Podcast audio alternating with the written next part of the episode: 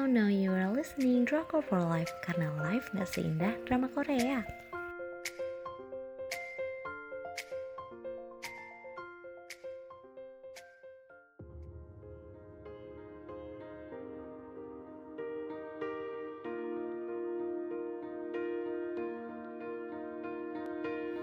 Ya, review drama Korea The Games Towards Zero.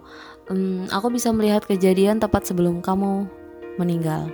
Dengan saluran penyiaran MBC tanggal penayangan 22 Januari sampai dengan 12 Maret 2020. Dengan jumlah episode 32 episode dengan rating 3 dari 5. Sinopsisnya, Taepyeong adalah seorang yang punya keistimewaan karena ketika dia menatap mata seseorang dia bisa melihat momen orang itu tepat sebelum mereka meninggal.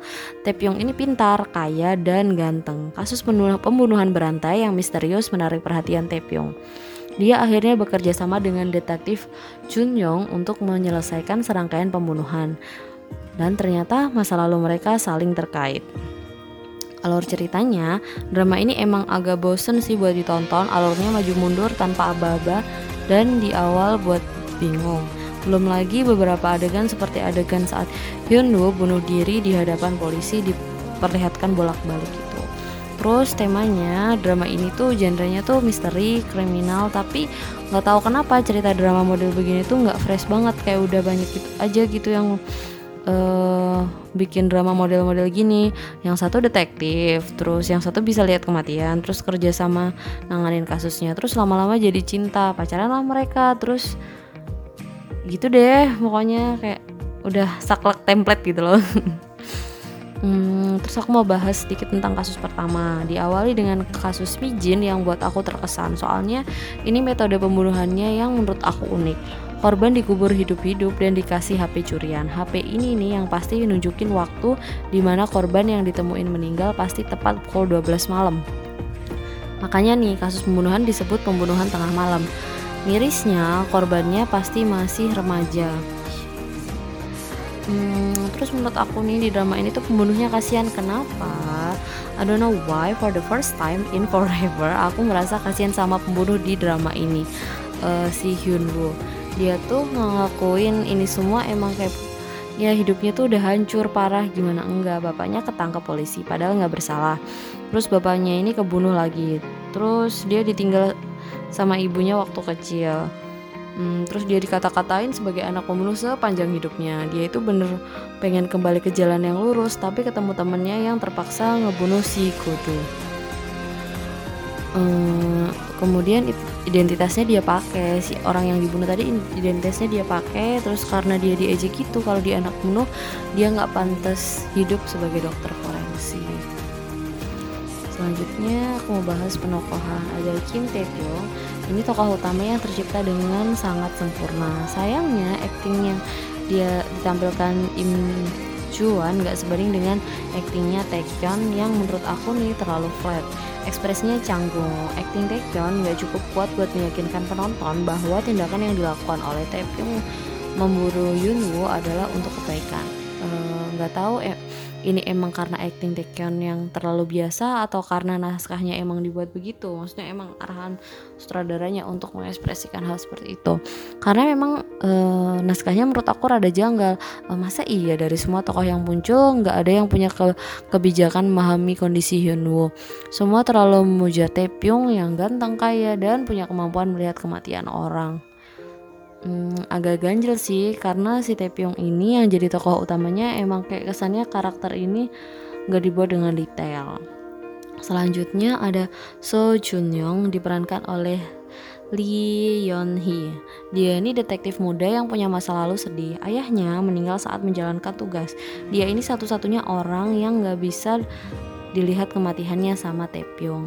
Lee Yeon Hee ini cantik sebenarnya kalau pas diem atau senyum aja actingnya I don't know aku nggak terlalu ngerasa greget sih. Selanjutnya Go Do Kyung uh, yang sesungguhnya adalah Jo Hyun Woo dia anak tunggal dari uh, Cho Pil Do yang dituduh sebagai pembunuh tengah malam. Oh yang dituduh sebagai pembunuhan tengah malam. Uh, sejak ayahnya disangka sebagai pembunuh Hyun Woo dan ibunya hidup dalam perundungan masyarakat dan media. Rumah dan toko mereka dirusak, keduanya dicaci maki oleh korban pembunuhan tengah malam dan masyarakat. Belum lagi saat di kantor polisi, Yunwoo juga dicecar habis oleh wartawan yang meliput seolah dia seorang pembunuh bermoral, bermoral rendah uh, bagaimanapun drama ini benar-benar nyadarin aku bahwa kejahatan bisa diciptakan oleh masyarakat yang pengen untungnya sendiri. Bayangin kalau Hyunwoo kecil nggak perlu mengalami perundungan dan stigma negatif dari masyarakat saat itu. Dia mungkin akan tumbuh dengan baik, terus nggak perlu melakukan tindakan uh, sejauh itu hanya untuk membuktikan bahwa ayahnya menjalani hukuman yang nggak adil.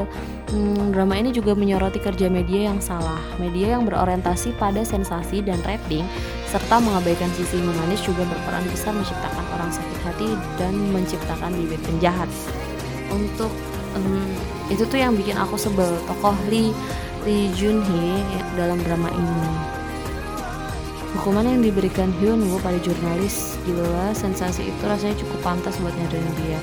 Jujur aja nih, awal-awal nonton drama ini masih mencoba bertahan lah gara-gara episode 4 Terus ternyata prediksi kematian Pyong meleset dan berhasil diubah oleh Chun Yong. Jadi aku berasumsi, baiklah, ayo kita lanjutkan nonton drama ini.